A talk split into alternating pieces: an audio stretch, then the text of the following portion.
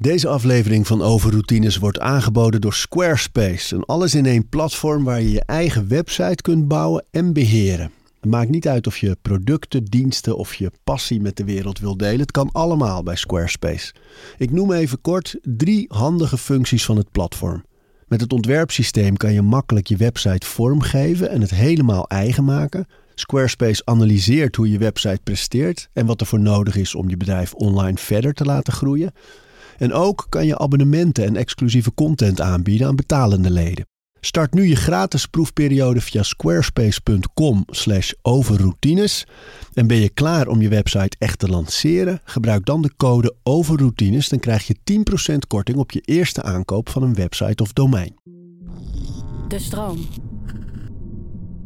In de afgelopen jaren heb ik met overroutines meer dan 100 mooie gesprekken mogen voeren met allerlei verschillende gasten. En in Overroutines Rewind schotel ik je afleveringen voor die je misschien nog niet eerder hebt gehoord, uit de beginperiode. Dit keer is dat een gesprek met Gwen van Poorten. Toen Gwen begin 20 was, kreeg ze een burn-out en daardoor leerde ze op een confronterende manier wat voor haar werkt en wat niet. Zo heeft ze daarna bijvoorbeeld WhatsApp van haar telefoon verwijderd.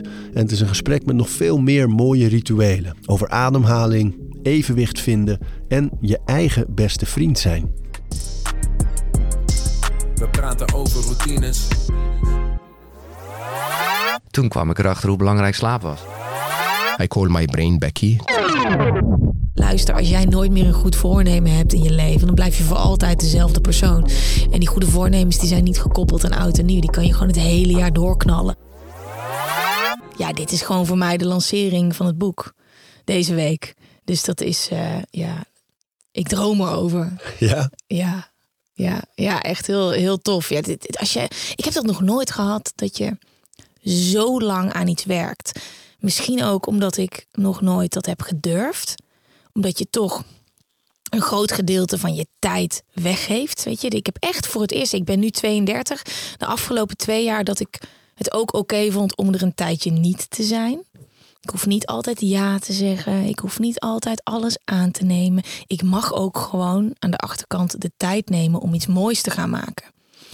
Maar ja, dat was de eerste keer dat ik dat deed. Dus ik dacht wel ondertussen, dan krijg je ook vragen van mensen. En eh, je hebt dan de podcast, wat doe je nog meer? Ja, jongens, ik ben met een hele hoop bezig. Het is toch je onzekerheid, weer toch getriggerd. Ja, maar ook alsof je het moet verantwoorden. Hè? Mhm, Dus ja. het, eh, inderdaad, als je, ik denk daar ook heel vaak aan over dat standaard antwoord eh, druk en dat het dan positief is. Dus hoe gaat het? Mhm. Ja, het is druk. En dat vinden mensen dan niet, dat vinden ze stoer om te zeggen, want er gebeurt veel en ik heb veel om handen en er wordt veel gevraagd. Mhm. Terwijl op een gegeven moment is bij mij in ieder geval iets ontstaan dat als mensen tegen mij zeiden, nou, overzichtelijk of eh, rustig, weet je wel. Dan dacht ik, oh ja, dan heb je het eigenlijk goed voor elkaar. Want je leeft gewoon je leven en dat gaat kennelijk goed. En, en je wordt niet onder druk gezet. Dat is eigenlijk heel mooi. Mhm, ja, absoluut. Dat ambieer ik ook echt hoor. Het is alleen, ik vind zoveel dingen leuk om te doen. Ja, Het is zo leuk allemaal. ja, ja. Nou ja, bij jou sluiten ze wel heel mooi op elkaar aan nu natuurlijk. Met het hele, Ja. met z'n allen platform. Ja, ja, en dat is voor mij nog steeds. En het- nu het boek er ook is, dat ik zo terugkijk. Het is allemaal echt ontstaan. Ja, Het is allemaal ontstaan uit eerst een behoefte van dingen met mensen samen willen doen.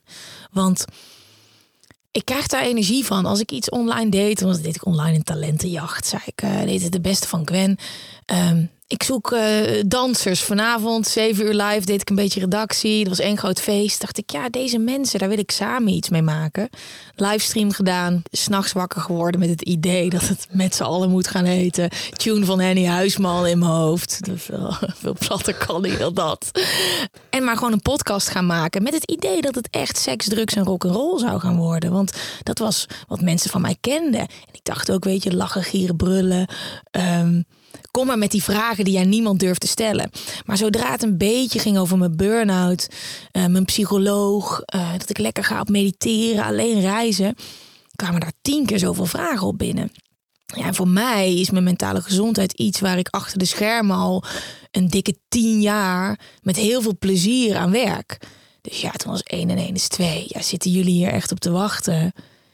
Veel mensen? Ja, Ja, joh. en het kwam net ook, kijk, ik eh, de eerste aflevering opgenomen voor de pandemie. En ik wilde eigenlijk pas live als de hele serie erop stond. Maar ja, dat ging voorlopig niet gebeuren. Ik nam het op in een kroeg. Ehm, dus ik heb het maar de wereld ingestuurd. En in één keer was het precies het juiste moment. Het is voor mij best wel een drempel. Want ik, ik heb eh, vaker gehad dat mensen zeiden... je moet het hierover gaan hebben. Maar dat ik zag mezelf niet zo. Dat was gewoon een beetje mijn verhaal. Dat is een mooi voorbeeld ook van dat mensen die met ideeën lopen, of nou een podcast maken is, of een boek, of iets anders, of een iets organiseren, of een, is dat ze heel vaak willen wachten tot het moment dat het perfect is. hè. En, dan, en jij zegt nu ook van ik ben het gewoon gaan maken en ik heb het gewoon maar de wereld ingeslingerd. En vandaar ben je gaan tweaken en gaan veranderen, verbeteren, ver- vergroten. Ja, want hoe kan je nou van jezelf verwachten dat je goed in iets bent zonder dat je het hebt gedaan? Dat is wat we Kan verwachten met alles. Kan dat, hè? Ja, precies. En het is wel een goede mindset. Maar ook we verwachten met mediteren bijvoorbeeld. Ja, ik heb het geprobeerd. En dan ga ik dan zitten en dan is niks voor mij. Ja. maar je gaat toch ook niet de sportschool in en verwacht dat je in één keer dikke biceps hebt. Weet je? Dat, maar bij het boek dat mij heel erg hierbij heeft geholpen is Big Magic van Oh Elizabeth ja, ja, Gilbert. Elizabeth Gilbert. Ja, Ja, ja. en ik was dit aan het lezen op eh, Tijdloos, camping. Ehm, eh, spirituele camping, net na het eerste seizoen van de podcast. En zij had het over volgen waar je op dat moment lekker op gaat. Je hoeft geen vijfjaren plan, tienjaren plan te hebben. Je hoeft niet het grote plaatje te zien. Je mag gewoon je hart op dit moment volgen. En ja, ik wilde op dat moment over persoonlijke groei kletsen. Maar ik zag niet waar dat naartoe moest gaan. Ik zag zeg maar de eerste twee trades en dan dacht ik ja. En dan? Dit is toch helemaal niet de hoek waar ik naartoe ga. Eh, maar door dat boek durfde ik echt de eerste stappen te zetten. En ook andere gasten uit te nodigen. En eh, eh, toen is het balletje echt gaan rollen. En nu in één keer is het, ja, is het een podcast en een platform en een club en een boek en een theater. Ik, als ik zo terugkijk, denk ik ja. Ik voelde gewoon dat dit moest gebeuren zonder dat ik dat kon onderbouwen. Want de mensen om me heen dachten regelmatig dat ik helemaal gek was geworden. Van ben je nou aan het doen? Heb je nou een meditatieprogramma gemaakt? Wat? Oké, leuk. Maar eh, Nou ja, dat heb je ook nog ja, op een gegeven moment in de pandemie. Echt met heel veel mensen tegelijk mediteren en samen. Ja. Maar we zitten nu eigenlijk al helemaal in je platform. Hè? Ja. Eh, Wat zeer aan te bevelen is om op te zoeken als mensen het nog niet kennen. eh, wat ik me bijna niet kan voorstellen inmiddels meer.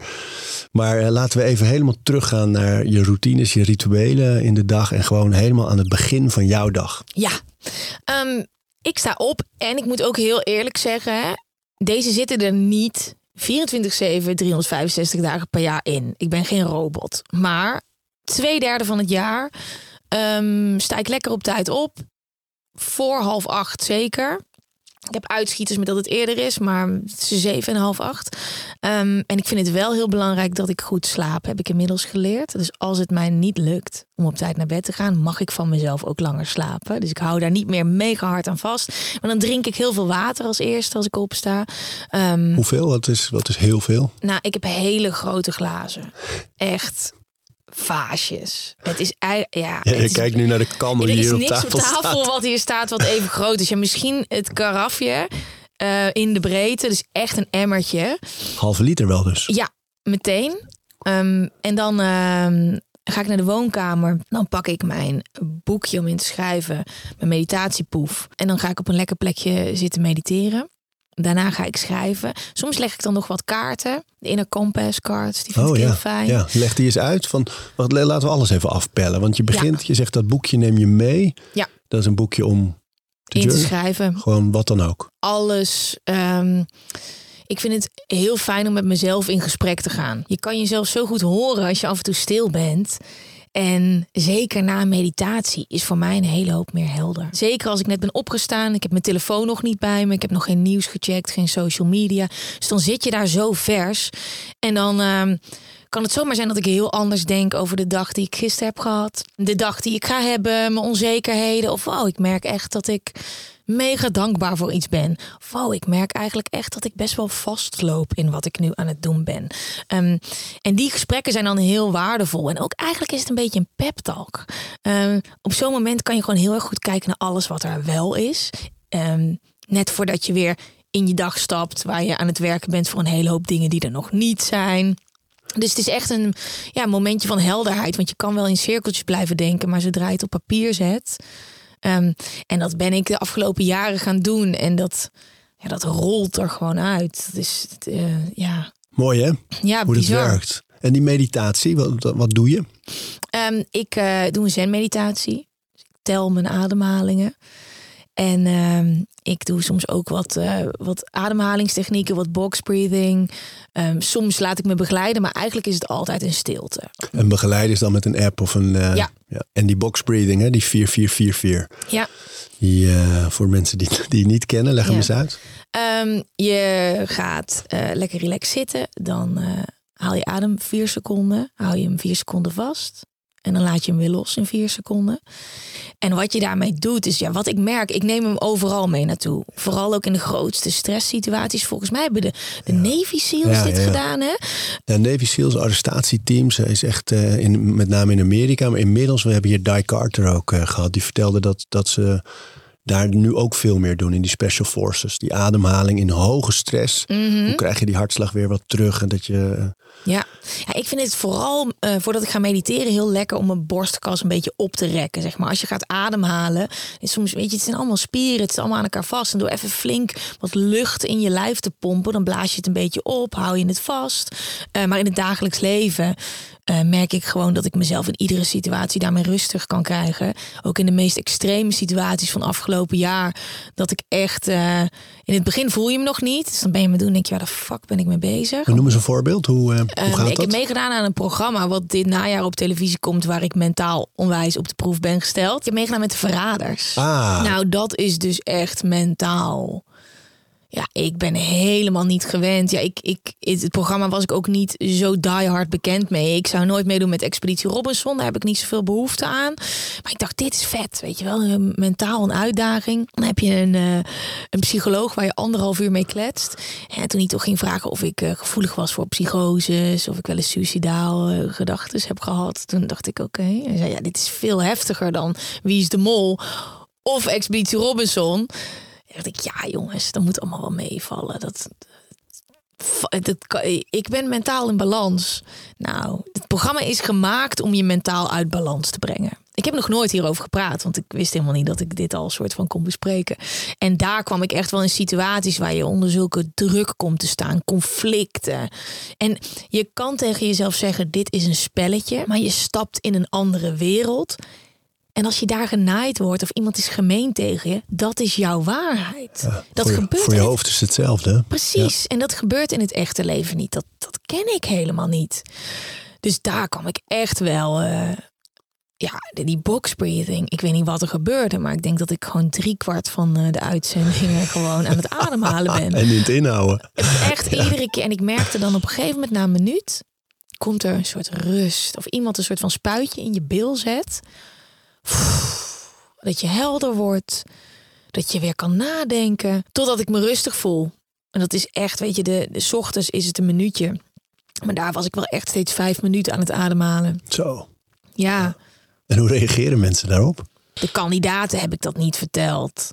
Nee. Maar ik denk dus dat het voor kijkers heel waardevol is, omdat mensen zich niet realiseren dat, dat ademhaling, natuurlijk, het is iets wat je sowieso al doet. Mhm. En daarom kunnen mensen zich niet voorstellen dat de impact zo groot is op, op hoe je je voelt en hoe je met stress Mhm. omgaat. En eh, je hartslag, eh, alles stuurt het Ja. aan. Gewoon, het is zo ongelooflijk krachtig. Ja. En geloof wat jij ook doet in de ochtend, dat, dat dat, als mensen zich konden realiseren, die twee dingen die je noemt, van ik heb mijn telefoon er nog niet bij gehad en, en je verandert eigenlijk even je ademhalingspatroon van hoe je wakker wordt en hoe je normaal ademt, even bewust terugstappen en iets anders doen dan daarvoor.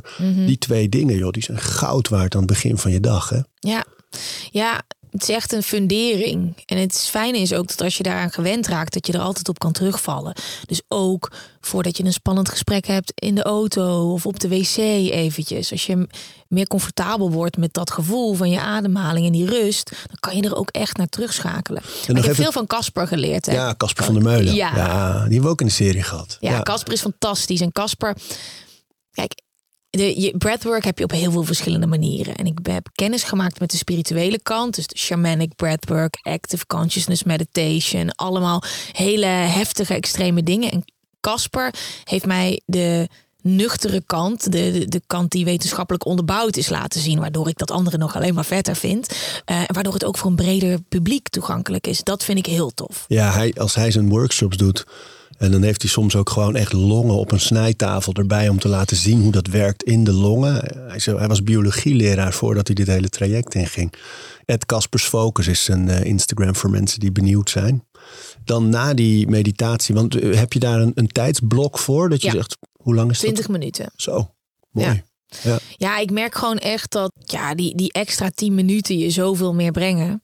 Maar je kan mij daar neerzetten en ik sta nooit meer op. Dus het maakt voor mij niet uit of het nou 20 minuten of 45 minuten is. Ik vind het heerlijk om daar zo lang mogelijk te zitten. Maar ik weet ook dat als ik dat heb, ik draaf dan door. En dan is het niet meer haalbaar. Dan wordt het alles of niets. Dus als ik zeg iedere dag 45 minuten, dan weet ik op een gegeven moment dat ik het gewoon niet meer ga doen. Dus ik, voor mij is 20 minuten echt perfect. En eh, er zijn ook echt periodes ehm, waar ik dat niet doe. Maar wat ik altijd vertel als mensen vragen, ja, doe je dan al iedere ochtend alles en eh, mediteren en zo? Nee, er zijn echt wel momenten. Bijvoorbeeld deze week lukt het me gewoon niet, omdat ik gewoon echt meer wilde slapen en 's ochtends al echt vroeg aan de bak moest. Ik weet dat ik het dan nodig heb, maar die honger groeit dan ook naar volgende week. Volgende week ga ik alleen met mijn hond een week naar Zwitserland. Ehm, en dan weet ik, oh, ik weet de weg naar huis. Ik weet wat ik inmiddels nodig heb om weer helemaal daar te komen. En dat is inderdaad die meditatie en die box breathing. En dat alleen reizen gaan we straks ook behandelen. Want dat Oh, is echt, echt een van de tips in je boek hè, en je, op je platform. Alleen gaan reizen en, en Ja. waarom dat zo goed is. Maar even nog terug naar die... eh, kijk, je zegt 45 minuten, 20 minuten. Ja. Mensen vinden het spannend hè, om zo lang stil te zijn. Of, Mhm. of eh, in hun, hun gevoel eigenlijk even niets te doen. Ja. En eh, hoe, hoe, hoe doe jij dat? Hoe kom je ertoe dat je dat kan? Ik denk door een aantal dingen die ik heb gelezen. Het is het trainen van je hersenen. En ik ging daar ook ooit zitten. Ik had een gouden meditatieproef gekocht. Want ik dacht, dit, dit wil ik zijn. Ik wil dat meisje zijn die helemaal rustig en mentaal in balans is. Ik ben nu nog steeds een druktemaker, maar vroeger nog veel meer. Dat was wat ik wilde. Dus ik kocht zo'n proef voor, weet ik wel, 130 euro of zo. Zet ik in mijn huiskamer neer en dan ging ik daar zitten en ik werd knettergek. Wat moet ik dan doen? Doe ik het wel goed? Mijn ademhaling. Ik denk veel. Ik word helemaal niet ontspannen. Maar toen ging ik erover lezen en toen kwam ik erachter dat je helemaal niet ontspannen hoeft te worden. Sterker nog, je zit daar om je hersenen te trainen. Eh, Het is hard werken. Dus alleen al dat, het accepteren dat het niet ontspannen hoeft te zijn, vond ik heel mooi. De we- wetenschappelijke onderbouwing, hè, wat heb je er allemaal aan? Vond ik fijn om te lezen. Ik wilde het eerst gewoon weten. Wat kan er gebeuren voordat ik het ging voelen? Omdat het zo raar voelt. Dan ga je daar zitten, een beetje in stilte. En inmiddels weet ik gewoon dat het allerbelangrijkste is dat je een focuspunt hebt. Dat kunnen een hele hoop verschillende focuspunten zijn. Voor mij is dat de telling van mijn ademhaling. En dat je lief bent voor jezelf. Dat is het hele ding. Zonder oordeel, als je afgeleid bent, jezelf weer terughalen naar je focuspunt. En dat kan ik nu zeggen. Ik weet ook als ik daar zit. Ja, ik wil natuurlijk, ook al weet ik hoe het werkt. Ja, gewoon me kunnen focussen op mijn ademhaling. Maar je bent een mens en je hebt altijd gedachten. Ja, ja, die- En die gaan alle kanten op. En dan is het de kunst om te zeggen: hé, hey, dat is oké. Maar dan gaan we nu weer even terug. Waar waren we ook alweer? Oh ja, ademhalen. En dat doe je. En dan weet je op een, op een dag, ik noem ze inmiddels goede dagen. De dagen dat het het meest ingewikkeld is. En dan kan het soms honderd keer zijn. The obstacle is the way. Precies. De, ehm, en op de dagen dat ik daar zit en dat het in één keer pam voorbij is. En dat is lekker. Maar op die dagen dat het minder goed gaat, weet ik dat ik echt wat heb gewerkt. En dat lief zijn voor jezelf, hè, die stem in je hoofd, die train je. Want je merkt het in je hele dag. Je merkt in één keer als je in de rij staat bij de bakker, dat je denkt, oh weet je wat, ik laat die persoon gewoon even voor. Wat, oh, ik sta te, te wachten bij de benzinepomp. Oh, dit is alles, alles wordt relaxter doordat je echt jezelf aan het trainen bent in stilte. En die stem, hè, hoe krachtig dat is, dat, dat kun je je ook niet voorstellen als je dat niet ervaren hebt of geprobeerd hebt. Dat je Mhm. gewoon dus echt tegen je gedachten kunt zeggen: Oké, ja, deze kennen we nu wel. Heeft niks, klaar. Mhm. Ja. Volgende. Of, of nu weer even terug. En, maar dat het dus echt zo werkt, is Ja. zo bijzonder. En vroeger was ik echt een slachtoffer van mijn gedachten. Altijd al een piekeraar geweest, mijn hele leven, al vanaf dat ik klein was. Wakker liggen, bang zijn voor de dood, niet kunnen slapen. Waarom heeft iemand dat tegen mij gezegd, mama? Waarom? Maar waarom? eh, Dat is toch onaardig? Weet je, altijd al echt extreem gevoelig geweest. Dus op het moment dat ik erachter kwam dat ik niet mijn gedachten was, ja, dat las ik vaker. Toen dacht ik, ja, dat kun je mooi. Hoe wat ben ik dan? Totdat je het gaat voelen en eh, in je meditatie dat die gedachten komen en gaan altijd. Ehm, maar dat ze zijn als wolken, weet je. Ze komen en ze gaan en je hoeft er geen waarde aan te hechten. Is hij negatief en donker? Oké, hallo, je bent ook welkom. Dan is die heel mooi. Oh, fijn dat je er bent. En toen merkte ik in één keer in mijn dagelijks leven, als er dingen gebeurden, kansen die ik niet kreeg of mensen die onaardig waren, dat mijn gedachten gewoon kwamen en ook weer gingen. Maar voorheen sprong ik erop. Dan ging ik, oké, waarom doet iemand dat? Dan pakte ik zeg maar dat wolkje uit de lucht. Dan ging ik erop zitten, ging ik eromheen zitten, ging ik gewoon het hele weekend vasthouden.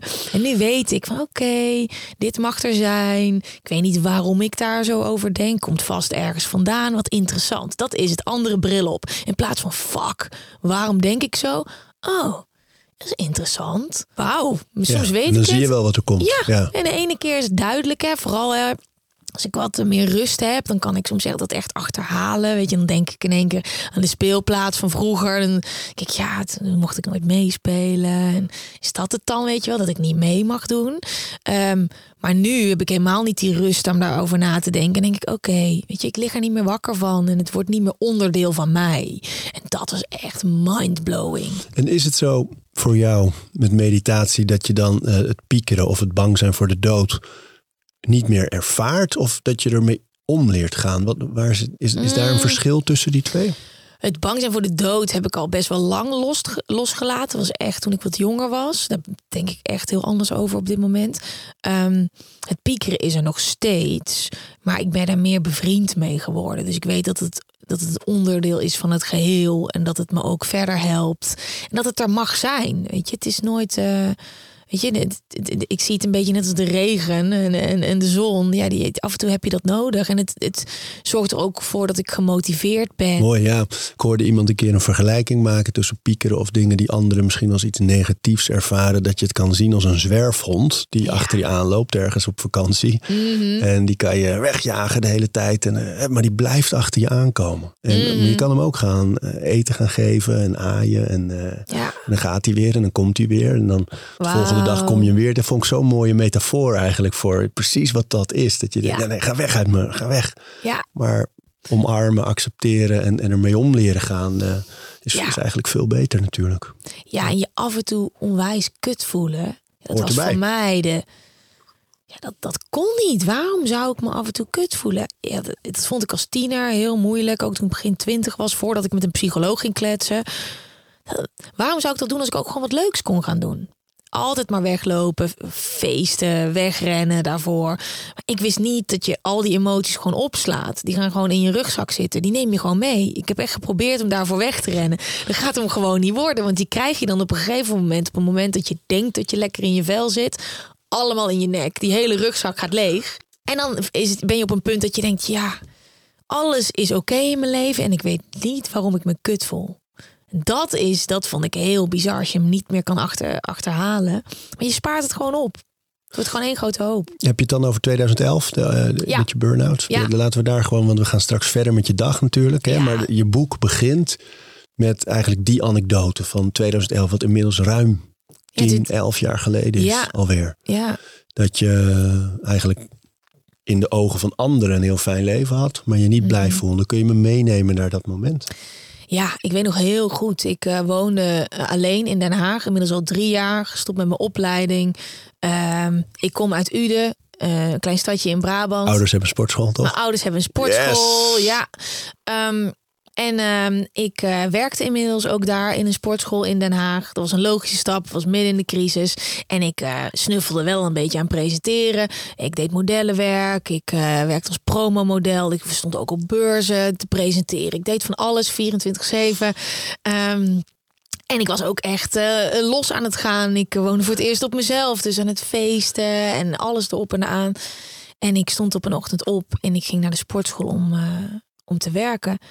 En ik werd in één keer ziek. Echt fysiek ziek. Ik moest naar de wc rennen, ik ging overgeven en ik kwam boven en ik zei ja, ik, het gaat gewoon echt niet goed. Dat was het enige wat ik kon zeggen. In de auto gestapt en ja, voor sommige mensen is dat misschien normaal om te zeggen, maar ik had dat nog nooit gezegd. Het gaat niet goed. Het gaat echt niet goed met me. Dat was voor mij het meest extreme wat ik kon zeggen. Dus ik belde een vriend op en ik zei, ja, het gaat echt niet goed. Het gaat echt niet goed. Ja, en iedereen zegt natuurlijk, ja, je bent een beetje ziek, is een griepje. Maar ik voelde gewoon, dit is echt iets anders. Naar mijn ouders toegegaan, um, naar de huisarts in de Ude. En uh, die zei, je bent, uh, je bent opgebrand. Je moet even, even rustig aan doen. En eigenlijk als ik terugkijk naar die periode, ja, dan was dat gewoon een uh, soort tikkende tijdbom. Ik uh, sliep amper zat de hele nacht uh, onrustig op mijn telefoon. Ik had een relatie die me heel veel stress gaf. Um, ik had een rugpijn waar geen één fysiotherapeut raad mee wist. Echt een zeurende pijn. Echt mijn matras vervangen, Ehm, alles. dat is vaak, hè? De- ik hoor de laatste tijd als je eh, in die wetenschap van de fysiotherapie bijvoorbeeld, dat ze Mhm. zeggen dat een eh, lagere rugpijn in bijna alle gevallen veroorzaakt wordt door stress en eh, zorgen en het leven, meer dan een beweging of een, of een sport of een blessure. Dat is Mhm. Ja. Bijna altijd zo, Zeggen het is zo bizar als je zulke pijn hebt. Daar kijken specialisten naar. En je, ja, naar mijn mening ging het gewoon oké. Het ging ook helemaal niet over stress. Dat dat zo alles overheersend kan zijn. En dat, en dat heb ik altijd al wel gehad hoor. Een link met het fysieke. Maar dat ik mentaal niet lekker zat. Dat bestond voor mij helemaal niet. Dus toen eh, de huisarts zei: Ja, we- je kan even niet meer verder. Dus Toen was je 21? 22. 22. Ja. Ja, zo jong. En burn-outs, ja, dat hoor je nu heel vaak. Dat hoorde je toen ook wel, maar dat was bij mensen uit het zakenleven. Ik kwam net kijken en ik dacht vooral, we gaan het hier met niemand over hebben. Ik lag te googlen in mijn eenpersoonsbedje bij mijn ouders. Jonge mensen, burn-outs, mentale klachten. Je vond daar niks over. En ik weet dat zeker omdat ik als een gek ging zoeken, want je wil niet alleen daarin zijn. Nee, dit is echt de jaren daarna pas gekomen. Ehm, ja. Dat iedereen zegt, wow, twintigers en dertigers in burn-out. Jongens, wat is er aan de hand? Maar 2011, toen was je, er, was je, Ja. was je een pionier. Ja, en, en het, ja, het ding was ook dat de huisarts wel zei: het is op zich wel een prestatie dat dit je op deze leeftijd al is gelukt. Ehm, en wat hij mij ook uitlegt, we gaan heel erg goed kijken: wat is dat dan? Weet je wel, depressie, burn-out, in die hoek. En bij mij was het, ik wilde nog wel, maar ik kon niet meer. En bij een depressie is het dan zo dat je ook eigenlijk niet meer wil. Ik probeerde het nog, dan stapte ik in mijn autootje richting Den Haag naar de sportschool. En het, ik moest gewoon omkeren. Het kon niet meer. Het waren de drie heftigste maanden uit mijn leven. Nee, dat waren drie maanden dat je wegging uit Den Haag en echt weer even thuis ging Ja. wonen om opgevangen te worden. Ja, oude ik- kamertje, Ik werd oude ontslagen bedje. in de sportschool. De nieuwe sportschool waar ik werkte was proefperiode. Daar werd ik ontslagen. Want die dachten, ja, wat, wat is hier nou aan de hand? Ik had een studiootje in Den Haag. En eh, ja, ik vertelde aan niemand wat er aan de hand was. Alleen echt hele, hele goede vrienden. Mensen in Den Haag die dachten, ja, ik ben eens gewoon even weg. Ehm, ja, dat was, dat was mijn ding. Maar ik was echt de weg kwijt. Hè? Dus het was echt eh, hele nachten lang praten met mijn moeder op de bank. Eh, ik wilde heel graag dat eh, ik kon verklaren wat er gebeurde. Dus wat is er gebeurd? Wat moet ik hiermee? Hoe kom ik hier uit? Oh, natuurlijk, want als ik dit, non-stop ratelen. Dus het is, en op een gegeven moment kwam de rust, was het non-stop slapen. Echt eh, hele dagen. Echt de weg zijn, kwijt zijn in je eigen hoofd. En ook denken, ik ben gek geworden. Misschien gaat dit nooit meer goed komen. Ik had geen voorbeeld om me heen van mensen waar, dit, waar ik Was je bang? ja, ja dat, ik dacht, mijn leven gaat nooit meer hetzelfde zijn. Alles wat ik heb opgebouwd in Den Haag is weg. Ehm, ik, ik ga nooit meer op dat punt komen, want ja, ik, kan, ik kan niet meer. Dus wie zegt dat ik ooit weer wel ga kunnen? En mijn ouders continu, jawel. Komt weer goed. Ook zwaar voor mijn ouders natuurlijk. Want als je je dochter, die helemaal zelfstandig is, weer terug bij je in huis hebt. En dat je ook denkt, ja, dit is zo extreem. Ehm, Spraken Ja. ze dat uit? nou, ik voelde het toen achteraf wel echt. Je Ja, vader heeft de titel van je boek eigenlijk een beetje aangereikt toen, hè? zeker, zeker. Voeten in het stopcontact was altijd al een thema in mijn leven. Omdat ik altijd gevoelig ben geweest. Ik ben ook een kind van mijn ouders. Ehm, ja, even opladen, voeten in het stopcontact. Mijn ouders ook. Je, die hebben een sportschool. Die geven ook alles wat ze hebben. Al hun energie en enthousiasme. Dus ja, dat opladen was altijd wel een ding. Maar ik wist helemaal niet wat opladen was. Echt. Ik had, ik, ik had helemaal geen idee hoe ik voor mezelf moest zorgen. En dan eh, fysiek redelijk, maar mentaal geen idee. Ik dacht dat alles wat leuk was, dat ik dat onbeperkt kon doen. En ik dacht aan de andere kant ook dat ik alles wat negatief was, dat ik dat gewoon weg kon stoppen. Gewoon voor weg kon rennen. Dus die twee dingen die hebben me uiteindelijk opgebroken. Want ik ging zonder opleiding naar Den Haag toe. Twee keer HBO, communicatie geprobeerd, dat was hem niet. Dus ik ging alleen op pad. Maar dan heb je dus geen vangnet van studenten. Ik ging gewoon als 19-jarige vol gas in Den Haag aan het werk. Nog nooit, ja, ik ben heel beschermd ook opgevoed. Mijn ouders lieten mij wel los. En in één keer was ik helemaal alleen. Dus dan vang je alles ook zelf op. Ja, ik ging niet. Mijn ouders overal mee lastigvallen. Dus alles, ook qua privé, qua jongens, qua mensen met een grote bek natuurlijk in Den Haag. Um, in één keer midden in het leven, terwijl ik zo gevoelig nog was voor alles. En me alles ook heel erg aantrok.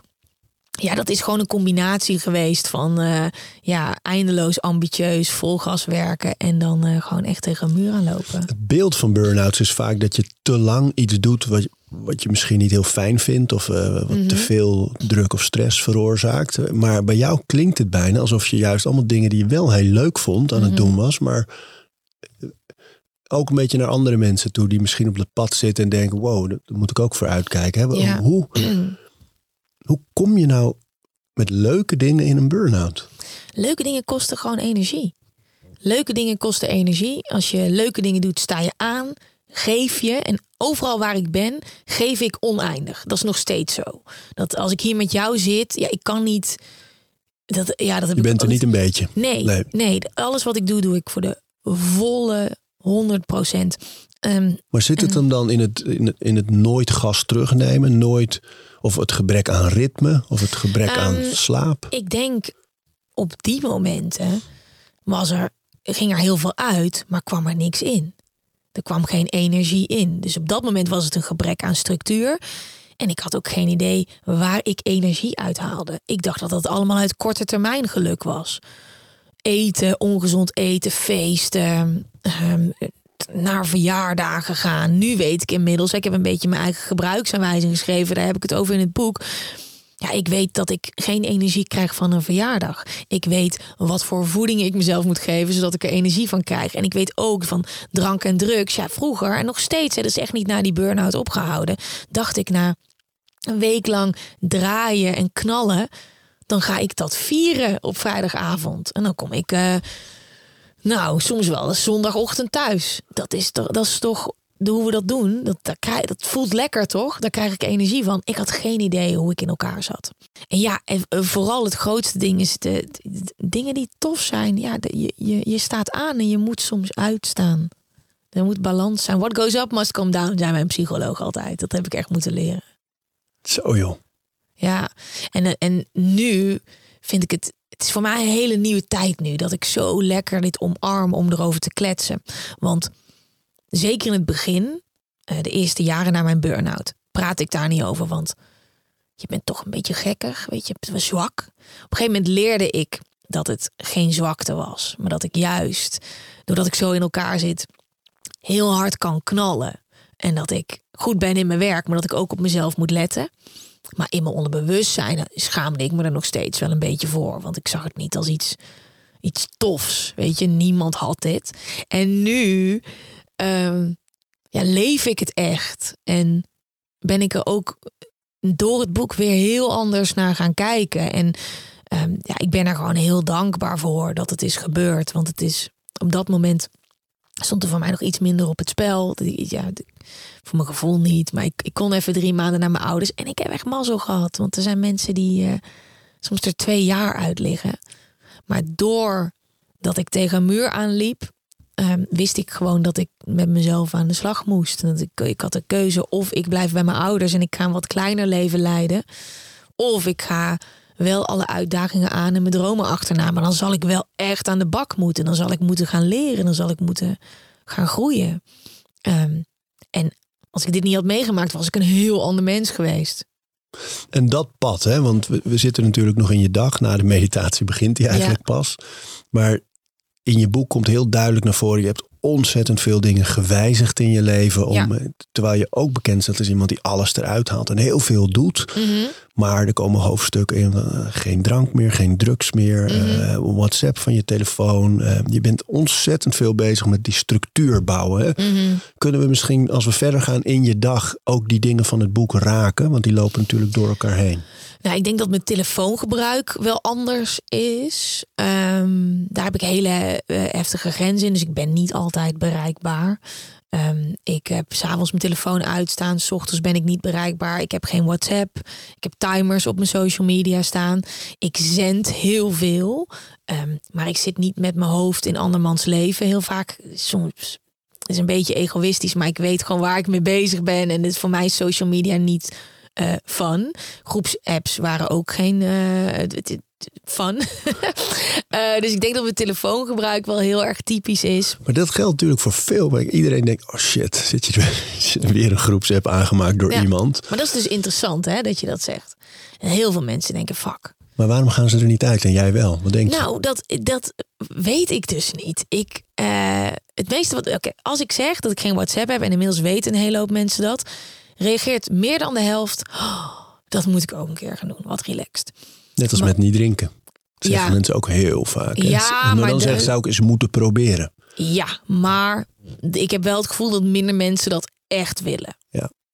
En dat minder mensen echt zoveel problemen daarvan hebben als dat ik daarmee had. Ehm, maar met het WhatsApp-verhaal, ehm, die, die groepsapps die zaten mij in de weg. En ik, weet je, ik was gewoon heel erg doelbewust bezig met leven. Want in mijn hoofd heb ik de afgelopen 10, 11 jaar gehad. Ik wil niet meer terug naar mijn ouders. Ik weet dat er ergens een muur is. En als ik niet naar mezelf luister, dan kan het zomaar weer bam klaar zijn. En dat kan op dit moment niet, want ik heb zoveel moois in mijn handen liggen. Dus dat was voor mij de allergrootste motivatie. En zodra ik merkte dat ehm, die telefoon mij echt in de weg zat, dat ik me daar echt in kon verliezen. Maar hoe doe je dat? Van, van Ja. dan, dan, ik heb het gevoel, jij kijkt dan naar je leven. En, en schrijf je dan bijvoorbeeld op, oké, WhatsApp zit me in de weg. eh, de tijd op social media en te veel in, in al die andere levens, dat zit me in de Ja. weg. Hoe, hoe maak je dat, hoe bouw je dat overzicht? Het is echt puur eh, gevoel. Dus al die dingen zijn er gebeurd, zijn momenten geweest. Eh, het WhatsApp-verhaal is dat ik op een avond mijn telefoon in de wc had laten vallen tijdens opnames van Spuiten en Slikken toen ik heel dronken was. Ehm, en eh, mijn zender lag ook in de wc. Had ik niet gezegd tegen de cameraman omdat ik me kapot schaamde dat dat was gebeurd. Wij waren klaar met draaien en eh, ik kwam thuis en mijn telefoon was gewoon klaar. Volgende dag moesten we weer draaien. We gingen een bloedtest doen of alcohol er nog in zat en mijn telefoon was klaar. En ik had heel veel paniek, want mijn werk en mail, social media, gewoon alles wat iedereen heeft als je geen telefoon hebt. En toen kwam ik later die dag thuis, natuurlijk met een dikke kater, goed eh, veel gedraaid, mooi item gemaakt. En ik merkte in één keer dat er rust was. Want wat er was gebeurd op een gegeven moment bij BNN en eigenlijk ook die aanloop daar naartoe bij Excite, is dat ik iedereen blij wilde maken. Is mijn allergrootste droom waar ik zo lang naartoe had gewerkt. Dus ja, Gwen komt wel. Eh, stuur maar een appje. Weet je wel, had ik een blaasontsteking, al lag ik in bed. eh, maar ook gewoon vragen van, hey, wat... eh, wil je morgen dit meenemen? Eh, zouden we een item kunnen maken over Cambo? Dat is een giftige kikker. Ja. Zou je dat willen doen? Ja, op dat soort momenten, ik ga meteen aan. Oeh, vind ik eigenlijk heel erg spannend. Ik weet niet of ik dat wel durf, of ik dat wel wil. Maar ja, dadelijk zijn ze niet blij met me, dus misschien moet ik wel ja zeggen. Dat soort dingen, die kwamen dan door mijn telefoon mijn slaapkamer binnen. Dus dan was het ook wel het be- het behagen van eh, je wil eh, geaccepteerd, goed gevonden. Je wil dat ze zeggen, het is met haar zo lekker werken. Ze is er Alles. altijd, we kunnen op te rekenen. Ja, dus ik was er altijd. En dat viel in één keer weg toen mijn telefoon er niet was. Maar ik was nog wel bereikbaar via mail. En ik kon nog steeds mijn werk goed doen. En alles liep gewoon door. Maar ik merkte dat ik gewoon echt een moment voor mezelf had. Gewoon in mijn huis. Niemand moet wat van me. Want alleen al het idee dat mensen eventueel wat van je moeten. Dat je eventueel aan moet staan. Of dat nou is een heftig item dat ze even over de schutting gooiden. Of een kledingsetje dat ik nog klaar moest leggen. Of kunnen we morgen even met je praten. Oh, dat, dat soort dingen. Ik merkte gewoon dat het ten koste ging van de momenten dat ik me kon opladen. En de afgelopen tien jaar heb ik echt nog wel de, het emmertje over laten lopen. Het is niet na één keer burn-out dat het klaar was. Ik heb mezelf nog absoluut over al mijn grenzen gepusht. Mijn momenten dat ik met mijn handen in het haar zat, dat ik dacht... Dat eh, staat allemaal in het boek.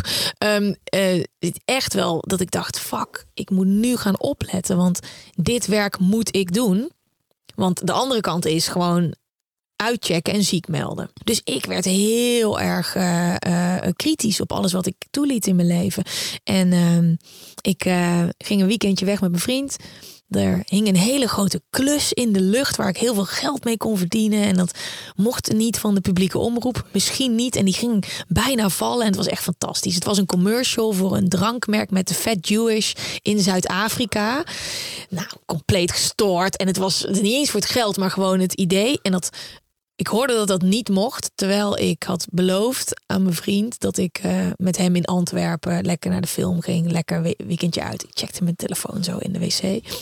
Nou, ik kwam daaruit, hij zag mijn gezicht en ik vond het gewoon stom dat ik dat niet mocht doen van de publieke omroep en en eh, ja, weekend gewoon, gewoon kut. En toen dacht ik, oké, dit gaat eraf. Ik wil dit gewoon niet meer. Ik wil gewoon niet meer dat er in de momenten dat ik kan opladen, mensen zomaar toegang hebben tot mij. Dus die app is eraf gegaan en dat is inmiddels echt, ja, weet ik veel, zes, zeven, acht, lang geleden al. Ja, Eh, ja, ja lang. echt lang geleden, want ik deed nog spuiten en slikken. Ehm, en eh, ja, mijn leven is daardoor veranderd door zo'n klein groen appje. Iets waarvan wij in één keer allemaal hadden besloten dat we dat gingen installeren en toelaten. Ehm, Maar hoe ga je er dan mee om? Van, van, want dat zal de grootste angst van de meeste mensen zijn die dat wel eens denken, maar het niet durven. ja. Is dat ze bang zijn dat ze dan aansluiting gaan missen. Dat ze minder Ja. gevraagd worden, minder uitgenodigd worden, minder in contact staan met anderen Mhm. zelfs. Helder communiceren. Als jij nog steeds bij die verjaardagen en die feestjes wil zijn, daar hoef jij, naar mijn mening, niet 24-7 voor in de groepschat te zitten. En natuurlijk krijg je wel eens grapjes, hè, ook als ik met een team samenwerk. Wij zitten in de groepschat en hebben allemaal leuke plaatjes. Daar moet je bij zijn. En je, tuurlijk, maar wat het mij oplevert, en dat is denk ik bij alles wat je gaat doen, en alle keuzes die je maakt. Wat brengt het je? Wat, het- probeer het eens. Brengt het je rust? Zit je lekkerder in je vel? Ik ben veel, veel meer daar op dit moment. Probeer het eens, zeg je. Want dat vind ik heel mooi aan jouw platform. Dat je ook heel vaak je, je volgers, je mensen die op dat platform actief zijn, meeneemt in dat soort experimenten. Ja, En dat is denk ik die kleine stap van, oké, in het hoofd maak je het groot. Ja, maar als ik eraf ga, dan, dan mis ik dit allemaal. Of, Mhm. Maar mensen zetten zelden die stap van, weet je wat, ik ga het eens een maand proberen. Maar Mhm. hoe komt dat, denk je? Het is ook leuk. En het is ook een verslaving. En het is ook lekker. En het is tijdsverdrijf. En voor mij was het gewoon, ik keek naar alle schakels van mijn leven. En ik zag gewoon de dingen die voor mij de moeite waard waren. En misschien is dat fijn om op die manier te handelen. Kijk eens naar je leven. Zijn het je kids? Is het je vrouw? Is het je hobby? Weet je, wat doe je? Is het je job? Whatever. Weet je, wat gaat er gebeuren als dat meer focus krijgt en meer energie? En het is echt allemaal experimenteren. Ik had echt niet gedacht dat ik die app eraf zou gooien en dat ik hem nooit meer zou installeren. Ehm, maar het zorgt voor zoveel rust bij mij. En het heeft ook echt wat aangewakkerd. Omdat ik dacht, ja, zo is het bij mij allemaal gegaan. Wow, ik heb dit verwijderd en het brengt me zoveel. Wat kan ik dan nog meer gaan doen? Weet je? Dat is, Ja, want die, die sloten die je hebt op de socials, hoe werkt dat? ik krijg een, eh, een melding na zes uur. Ehm, en dan heb je je limiet bereikt. En er zit ook nog een limiet op van ik denk anderhalf uur per dag. Dus eigenlijk na anderhalf uur gaat hij al aan. Maar na zes uur is het helemaal op slot. En dan moet ik echt alles, zelfs mijn camera, moet ik dan echt op een aantal dingen klikken. Voordat ik het echt eh, wil gaan gebruiken. Dus hij geeft je na anderhalf uur een soort waarschuwing. Ja, van je hebt je limiet bereikt. En s'avonds is het gewoon dat hij in slaapstand gaat. Zo. Ja. En is dat een app? Of Je zit zit die- op je, zit op je telefoon, in ieder geval op een iPhone, eh, zit het automatisch. En dat heb je op al je socials. Ja, zeker. TikTok, Instagram. TikTok, Instagram, Twitter heb ik niet. Eh, maar ook op, op gewoon Safari. Twitter, ja. Ik, Ja. ik heb nog altijd een Twitter-account gebruikt, al Ja, jaren niet meer. Maar eh, wat een Wat een verderf is dat. Ja. heel naar universum, hè? Zo, dat is, dat is gewoon mensen afvallen voor fun. Ja. Dat, nee, dat, daar heb ik al heel lang geleden afscheid van genomen. Maar het andere vind ik ook heel leuk. Maar nu is het dus ook wel zo dat ik soms heel bewust kies voor een avondje lekker op TikTok zitten. Dat ik denk, oh ja, en dan weet ik waarom ik het doe. In plaats van fuck. Ik zit hier al twee uur lang met mijn jas nog aan in mijn auto. op, op TikTok. Fuck, dat wilde ik helemaal niet. Ik wilde eigenlijk gewoon eten koken. ja. ja. ja, precies. En nu is het wat bewuster, want ik ga echt heerlijk. TikTok, zo leuk. En je zei, ik zit minder in, eh, in levens van anderen. Hè? Dat, dat- ik hoorde Ja. laatst ook iemand zeggen, die, die swipe niet. Die heeft besloten om nooit te swipen op socials. Mhm. Dus die, Zo, dan ben je wel sterk. ja, maar die gaat er naartoe en die denkt, hey, ik ben benieuwd hoe het, wat Gwen allemaal mee bezig is. Ik ga naar het account van Gwen. Ja. En daar ga ik kijken. En dan ga ik misschien nog naar het account van weet ik veel wat. Maar heel bewust kiezen. Mhm. Ja. Dit ga ik nu hier doen. En niet, ik zet het aan. hey, dit is leuk. Swipe. Oh, dan kom ik daar terecht. En ineens zit ik eh Mhm. drieënhalf uur in eh, grote, grote mensen die schoon kunnen duiken. Weet je wel? Ja. Of wat dan ook. Ja, ja, weet je wat het ding is, denk ik? Dat je, als je meer waardering krijgt voor wat je hebt, dan zie je dat die focus daar naartoe moet gaan. Dus het, is, ehm, ik weet in mijn leven dat als ik mijn hoofd laat volstoppen door al die bullshit, door die memes, door wat andere mensen doen. Want ik vind het echt vet, hè? Want ik vind het leuk om te zien als mensen toffe dingen doen. Ik haal er ook energie uit.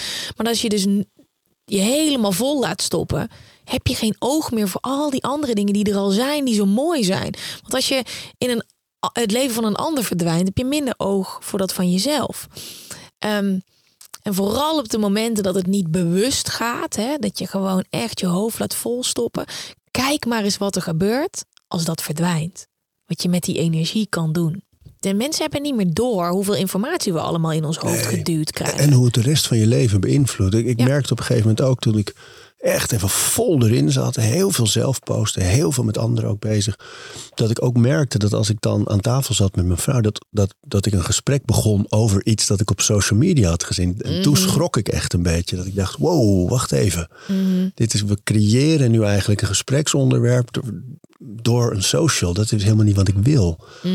Ja. Het is precies ook het moment geweest dat ik zelf ook eh, allerlei aanpassingen heb gemaakt. En, eh, Heb je ook limieten daarop staan? Of heb je apps verwijderd? Of, eh, ik heb al mijn notificaties uit op mijn telefoon in ieder geval. Dat Ja. er nooit iets in mijn scherm springt. Ja. En ik heb vaste momenten waarop ik mijn eigen socials, mijn content maak eh, en klaarzet vaak. Mhm. en dat doe je echt zo leuk. Ja, ik, ben, ik ben aan het leren. Ik zit nu ook op TikTok. Dus ik ben ja, ook, heb ik gezien. Maar, Ja, maar zo leuk, want ik weet zeker dat als je dat niet had gedaan, dan was de focus er helemaal niet geweest om Nee. je eigen shit te maken. Nee, Want dat dan is moet- precies Je moet zo. daar naartoe gaan. Ja, ja, nee, dat is echt zo. Ja, het is, het is heel leuk, een hele frisse wind. En jij zei ook al, Mm. TikTok is heel leuk. Het is wat, eh, wat meer houtje touwtje voor mijn gevoel. En wat, wat, Ja. Wat korter en wat sneller allemaal. En Toen, ik er- toen ik er net op ging, schrok ik echt van tempo. En Maar wat je het rauwer is, Zo, kan ja. je meer doen. Ja. Dat is nieuw. Dat is het hele. Ja, ik kom. Jij ook een televisieachtergrond. Ja. Dan nemen we een loopje op. Nou, dat, eh, weet je, die in kwam YouTube. Nou, dat loopje kon er al uit. En nu is het gewoon. Ja, jongen, je hoeft niet eens goede licht te hebben. Ga er gewoon voor. Ja, heerlijk. Ik vind het heel mooi. Dat is net als wat je net zei. Van ik maak het, ik, eh, ik slinger de wereld in en dan ga ik tweaken. Weet je, die Seth Godin, die, die marketing guru, die zegt altijd just ship it. Mhm. Niet wachten op het juiste moment. Niet wachten tot iets helemaal goed is of perfect. Of, Mhm. ehm, maar gewoon out there en dan gaan aanpassen en zo. Maar dan heb je momentum, dan stroomt het. En dan, Ja. ja, ja dat is leuk man. Ja, ja, TikTok is daar echt eh, perfect voor. Ja. ja. ja, ik ben nog aan het leren hoor en aan het onderzoeken. Maar ik plaats, probeer bijna elke dag wel iets te zetten. Maar het wil- kan ook mooi zijn, hè? Dat het, het, het- ik vind social media fantastisch en Ja, het internet fantastisch. Maar wel op de manier dat ik daar wil zijn. Precies, je en niet eigen zoals de hele voorwaarden. wereld die je in je nek krijgt. Ja, je eigen voorwaarden. Ja. Hey, ik vind het zo leuk hoe je in het boek hebt opgebouwd. Dat je in de hoofdstukken steeds praat. De hoofdstukken waar je tips geeft over. ehm, je hebt altijd een. eh, ja, je, je realiseert je dat iets in de weg zit. Ja. Eigenlijk een, eh, een, een uitdaging of Ja. een probleem. Of een, eh, en dan komt er altijd een eye-opener. Mhm. En dan komt er actie. Ja. Kun je dat eens uitleggen hoe dat werkt? Misschien aan de hand van één specifiek ding dat je veranderd hebt? Oh, nou, alcohol en drugs. Goeie. Die- ja, ehm, als je wat bewuster gaat leven, kan je jezelf een stuk beter horen. En op een gegeven moment ging ik eh, goed voor mezelf zorgen. Voeding werd beter. Ik ging eh, in de ochtendtijd voor mezelf maken. Ik ging mediteren. Ik was gewoon heel erg lief voor mezelf. En aan de andere kant ging ik complete vernieling in, in het weekend. En dat was niet ieder weekend, maar wel, denk zes, zeven keer per jaar. Zeker in de zomer. Ehm, en iedere keer als ik thuis kwam, naar een nachtje of naar een weekendje, drank en drugs, dan deed ik de deur dicht en was ik instant depressief. Maar echt op een manier dat het zo overweldigend was dat ik niks meer kon. En dan soms werd ik ook wel fysiek ziek, maar vooral mentaal complete paniek. En dit herkende ik bij niemand anders. Ik eh, had het er met vrienden en vriendinnen over. Sommigen stonden alweer op een festival de volgende dag en ik lag nog te janken op de bank op precies dezelfde plek. Waarover dan? Wat heb ik gedaan? Wat heb ik gezegd? Een onbestemd kutgevoel, zeg ik altijd. Het is, ik, kan, ik kon het niet onderbouwen, want het was allemaal niet waar. Dat bleef ik ook tegen mezelf zeggen. Dat wist ik ook hè, voordat ik uitging. Je gaat je daarna zo voelen, maar dat is niet echt. Het is niet waar. Vrienden opbellen. Weet je, wat is er gebeurd? Heb ik wat gezegd? Maar het was zo donker en alles overheersend. ehm, dat het hele feest helemaal niet meer leuk was. Dat alles, al het positieve was weg. En dit gebeurde op een gegeven moment een aantal keer. Ik was al zeven maanden gestopt met alles. Toen kwam er weer een zomer, drie jaar geleden. Gisteren, exact drie jaar geleden, dat ik ben gestopt met, eh, met, eh, met alles. Mooi. En toen kwam het moment dat ik. eh, ja, weet je, soms is er een moment dat je gewoon eerlijk tegen jezelf moet zijn, ook als het niet zo leuk is. En ik ging eh, op alle fronten het gesprek met mezelf aan. En ik wist gewoon, ja, dit is het gewoon niet voor mij. Dit is. Ik hoor gewoon eigenlijk niet te drinken en geen drugs te gebruiken. En het was niet dat ik verslaafd was, maar je hoeft niet verslaafd te zijn aan iets voordat je de keuze maakt om, eh, om ermee te stoppen. En ik, ik wist het. Ik, ik had al zeven maanden een keer eerder meegemaakt dat ik gewoon eh, helemaal nuchter was. Daar werd ik heel blij van. Hele zomer losgegaan. En ik zei het, ja, ik ga, gewoon, eh, ik ga gewoon niet meer drinken. Het is gewoon echt klaar. In mijn agenda gezet met een herhaling van ieder jaar. Ik, toevallig zag ik hem gisteren. Nuchter met een regenboog en hartjes erbij. Ik had natuurlijk geen idee dat ik dat ook echt ging doen. Niemand geloofde dat, maar ik wist het gewoon zeker. Ehm, die keuze heb ik gemaakt omdat ik daar gewoon niet omheen kon. En vervolgens, eh, ehm, ja, dat was de eye-opener. Dus dat is, Ja, en in, in het boek zeg je ook heel mooi, ook niet één glaasje. Dat ook de Ja. eye-opener ja, was ja, dat, ja, ja, ja. het probleem. Of het probleem, de uitdaging was duidelijk. De eye-opener was eigenlijk van ja, als je dan zegt van ja, af en toe een beetje kan wel. Ja, dat, lukt voor mij. Dat heb ik dus geprobeerd in die zomer. Ehm, ik had heel graag iemand willen zijn die bij het avondeten lekker een wijntje drinkt. Maar als ik dat doe, is er gewoon een hele grote kans dat ik daarna op een bar sta te dansen. Het is gewoon, ik, eh, er is een, een schakel die bij mij omgaat en dat is. En ik was wel altijd met werken heel erg afgekaderd, dus dan gebeurde het niet. Maar ja, als het kon, eh, joh, je bent maar één keer jong, gas erop, leuk. Want er is gewoon een heel ander persoon die naar buiten komt, die geen grenzen heeft. Maar, maar ik kan me voorstellen dat mensen nu naar jou luisteren en dan denken, joh, tof, daar wil je bij zijn. Ja. met, met Gwen moet je uitgaan, want dat, is ook lachen. zo. Dat was absoluut zo. Ik deed overal het licht aan. Ehm, maar waar ik achter kwam is dat eh, ehm, de momenten dat ik uitging waren vooral de momenten dat ik eigenlijk al uitgeput was.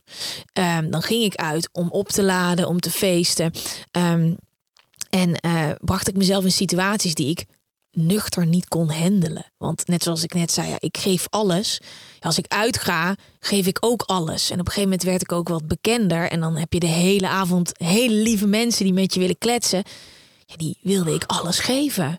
Ik ga niet zeggen ga weg of, eh, laat me met rust. Eh dan probeerden mijn vrienden wel een beetje te beschermen. Voelde ik me weer schuldig dat ik de avond van mijn vrienden had verpest. Dus wat ik ging doen, is ik gooide van alles in me. Zodat ik gewoon daar was. Energiek. Of dat nou op een feestje, festival, een, een huiskamer was. Daar wilde ik ook dat pleasen. Terwijl ik zelf, zonder alles wat ik erin gooide, gewoon daar helemaal niet wilde zijn. Dus ik dacht, wat, ga ik, wat ben ik nou aan het doen? Ben ik nou gewoon op plekken waar ik eigenlijk helemaal niet wil zijn? En heb ik dan van alles nodig en veel ook om dat leuk te maken? Ik ben, daar ben ik gewoon klaar mee. Ehm, het leuke is aan de andere kant dat ik inmiddels eigenlijk meer ben gaan feesten. Ik eh, ga soms nu naar twee festivals in een weekend. Ja. Dan weet ik ook wanneer het klaar is. Dan durf ik dus ook tegen mensen te zeggen: hey, weet je, ik ben nu aan het dansen, gewoon nu even niet. Dat durfde ik toen niet. Ehm, ik kan veel beter mijn grenzen aangeven. Ik eh, ga vaak eerder naar huis dan de mensen om me heen. En soms blijf ik ook langer en dans ik iedereen eruit. Maar wel onder mijn voorwaarden en op de plekken waar ik het echt vet vind. En als je thuis komt en de deur dicht doet? Dan voel ik me fantastisch, want ik heb gewoon een lijpe workout gehad. En ik, eh, de volgende dag voel ik me lekker. Ik heb leuke gesprekken gehad. Ik sta daar met een opgeheven hoofd, wat helemaal nieuw is voor mij deze zomer. Omdat ik altijd een beetje in mezelf gekeerd was. Omdat ik bang ja, dat ik zien mensen iets aan me of moeten ze iets van me hebben. En nu denk ik, ja, ik, ik sta sterk in mijn schoenen, ik kan mijn grenzen aangeven.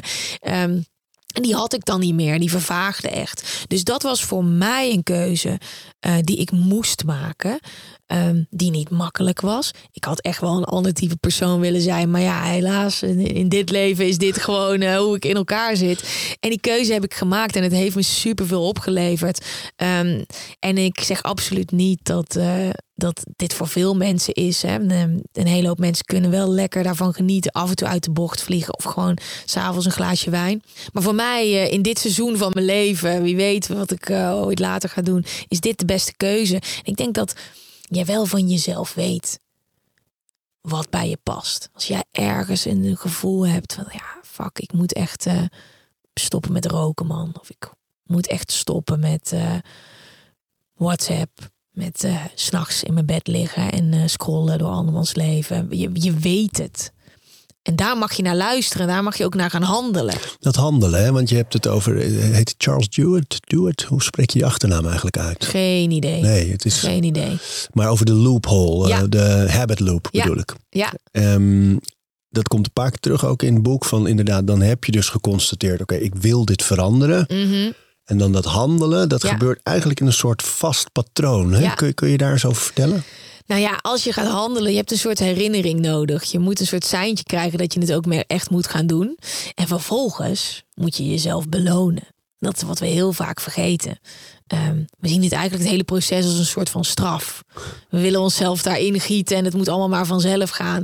Maar ehm, ja, het bouwen van een gewoonte zit zo mooi in elkaar. Als je daar echt zo technisch naar gaat kijken, dan eh, kan je jezelf onwijs motiveren. Iedere keer als ik iets nieuws wil gaan leren, dan ga ik dat ontleden. Dan ga ik kijken wat heb ik daaraan. Hoe kan ik mezelf belonen op de korte termijn, op de lange termijn. Wat is die motivatie? Weet je, waarom doe je iets? Bij het niet meer drinken eh, is dat lekkerder in mijn vel zitten, ehm, meer energie hebben. De voordelen waarvan ik nog niet eens wist dat ik ze ging hebben ook. Hè. Eh, bij het WhatsApp is het meer energie en focus voor de dingen die ik belangrijk vind. Ehm, beter slapen, minder onrust, minder mezelf vergelijken met anderen. Als je die motivatie hebt en die beloning voor jezelf. En die echt gewoon, vaak ging ik daarover schrijven. Weet je wel, fuck, gisteren is het me gelukt. Hoe voelde ik me? Oh, oh eh, voelde ik me daar lekker door? Wauw, wat interessant. Die mag op de hoop beloning. Ehm, iedereen heeft, eh, bij iedereen is dat uniek. Iedereen heeft zijn eigen, eigen motivatie. Maar als je die hebt, dan kan je jezelf echt over je grenzen heen duwen. In goede zin. In de goede zin, goede grenzen, ja. Ja, want waarom is dat zo belangrijk? Dat je die blijft verleggen? Ja, ik denk gewoon dat, dat. Ik vind ook altijd heel mooi de periode rondom oud en nieuw. Dat mensen zo haten op goede voornemens. Ja, luister, als jij nooit meer een goed voornemen hebt in je leven, dan blijf je voor altijd dezelfde persoon. En die goede voornemens die zijn niet gekoppeld aan oud en nieuw. Die kan je gewoon het hele jaar doorknallen. En als jij iets in jezelf voelt, een soort van kriebel of een interesse, je leest iets en je denkt. Oh, misschien. Dan is dat voor mij een uitnodiging om daarmee aan de slag te gaan. Want ja, ik heb gewoon een, een fascinatie gekregen voor het ontwikkelen van mezelf. Want na die burn-out, na vijf jaar met een psycholoog kletsen, naar me aan alle kanten laten coachen op ieder gebied, of het nou over seks gaat, over zakelijk, whatever. Ja? Ja, ik vind het heel fijn om eh, met mensen in gesprek te gaan die eh, heel veel afweten van één ding. Ik En waar, nodig ze- waar vind je die coaches? Hoe zoek je die op? Ehm, ik klets met de mensen om me heen. Ehm, ik. eh, Casper, Casper die heeft eh, Tibor aangeraden. Oh ja. Tibor- En daar ben ik eh, terechtgekomen voor eh, mijn zakelijke coaching. Omdat ik zag, Casper is zo lekker bezig. Wat die hoorde ik praten over zichzelf belonen. En ehm, je, hoe dat dan. Hij zei, ja, ik mag niet mijn handpan kopen. Ehm, want dat mag ik van mijn coach Tibor. Ga maar eens naar tibor.nl. Ehm, dan denk ja, dan zie ik iets in iemand, denk ik, nou, dat wil ik ook. Dus mensen ehm, die ik in de podcast heb, achteraf nog even kletsen, hoe heb jij dat dan gedaan? Echt puur op mijn gevoel. Maar ik vind het heerlijk om eh, te blijven leren, want ja, als je meer over jezelf leert, wordt het leven alleen maar leuker. En ik weet ook, ik ben nog geen moeder. Er zijn ook zoveel fases in mijn leven die eraan komen waar ik weer nieuwe tools voor nodig heb.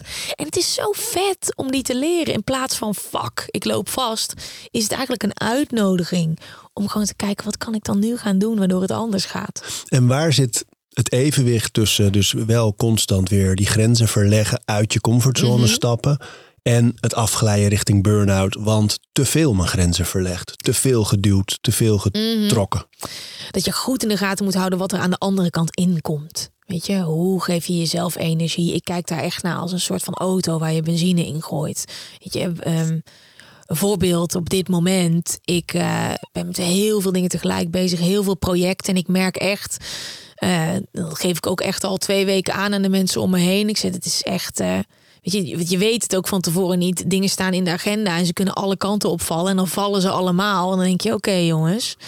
Ik, als ik merk dat de weekenden, die zijn heilig, te kort worden om op te laden. Dus dat ik maandag begin dat ik denk, oeh, je had dat nog wel een dagje langer gemogen. Dat ik langzaam weer verval in s'avonds scrollen op mijn telefoon. Onrustiger slapen. Wat ehm, eh, sneller uit mijn slof schieten. Dan weet ik opletten.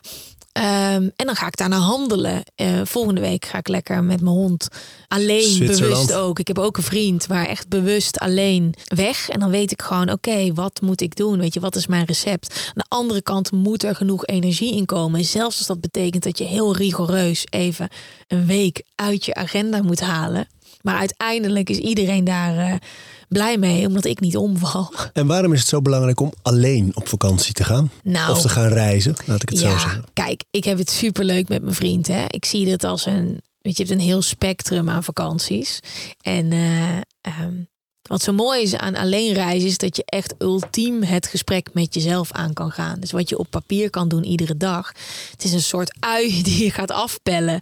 Ehm, je kan jezelf zo goed horen. Die reizen alleen, ja, ik weet niet, ik ben er zo van gaan houden, omdat het ook die, vriendschap met jezelf, waar ik het ook in het boek veel over heb, die is zo belangrijk. Want Ja, je moet je eigen beste vriend worden, zeg Ja. je eigenlijk. En, Ja. en daarvan, je hoort dat mensen vaak roepen van je moet jezelf op de eerste plek zetten. En dan is Ja. het verwijt van een bepaalde groep, ja, dat, wordt, dat is egocentrisch. mm, Ehm, maar jij benadrukt dat heel erg, dat je Mhm. kan echt pas, het begint allemaal pas op het moment dat je echt je eigen beste vriend bent. Hè? Hoe, Ja. hoe werkt dat? nou kijk, als je niks hebt om te geven, dan kan je er voor niemand zijn. Ehm, ik heb laatst iets gepost, een TikTok opgenomen over jezelf op nummer 1 zetten. En dan kwamen er vooral heel veel reacties, ook van ouders. En die zeggen, ja, hoe dan? Want, en mijn kids dan? Ten eerste, ik zeg niet dat je iedere dag naar een spa moet. Het zit juist in al die kleine momenten. Ik heb het voorbeeld van mijn moeder gekregen. Doordat ik zag hoe zij voor zichzelf zorgde, kon ze voor mij zorgen. Ehm, en ik hoop dat ik dat ooit. Ik ben nog geen moeder, dus ik heb helemaal geen recht van spreken in dat opzicht. Maar kijk wel naar mijn omgeving ook. Hè? Mijn ouders, mijn vrienden, mijn collega's, mijn vriend, mijn hond.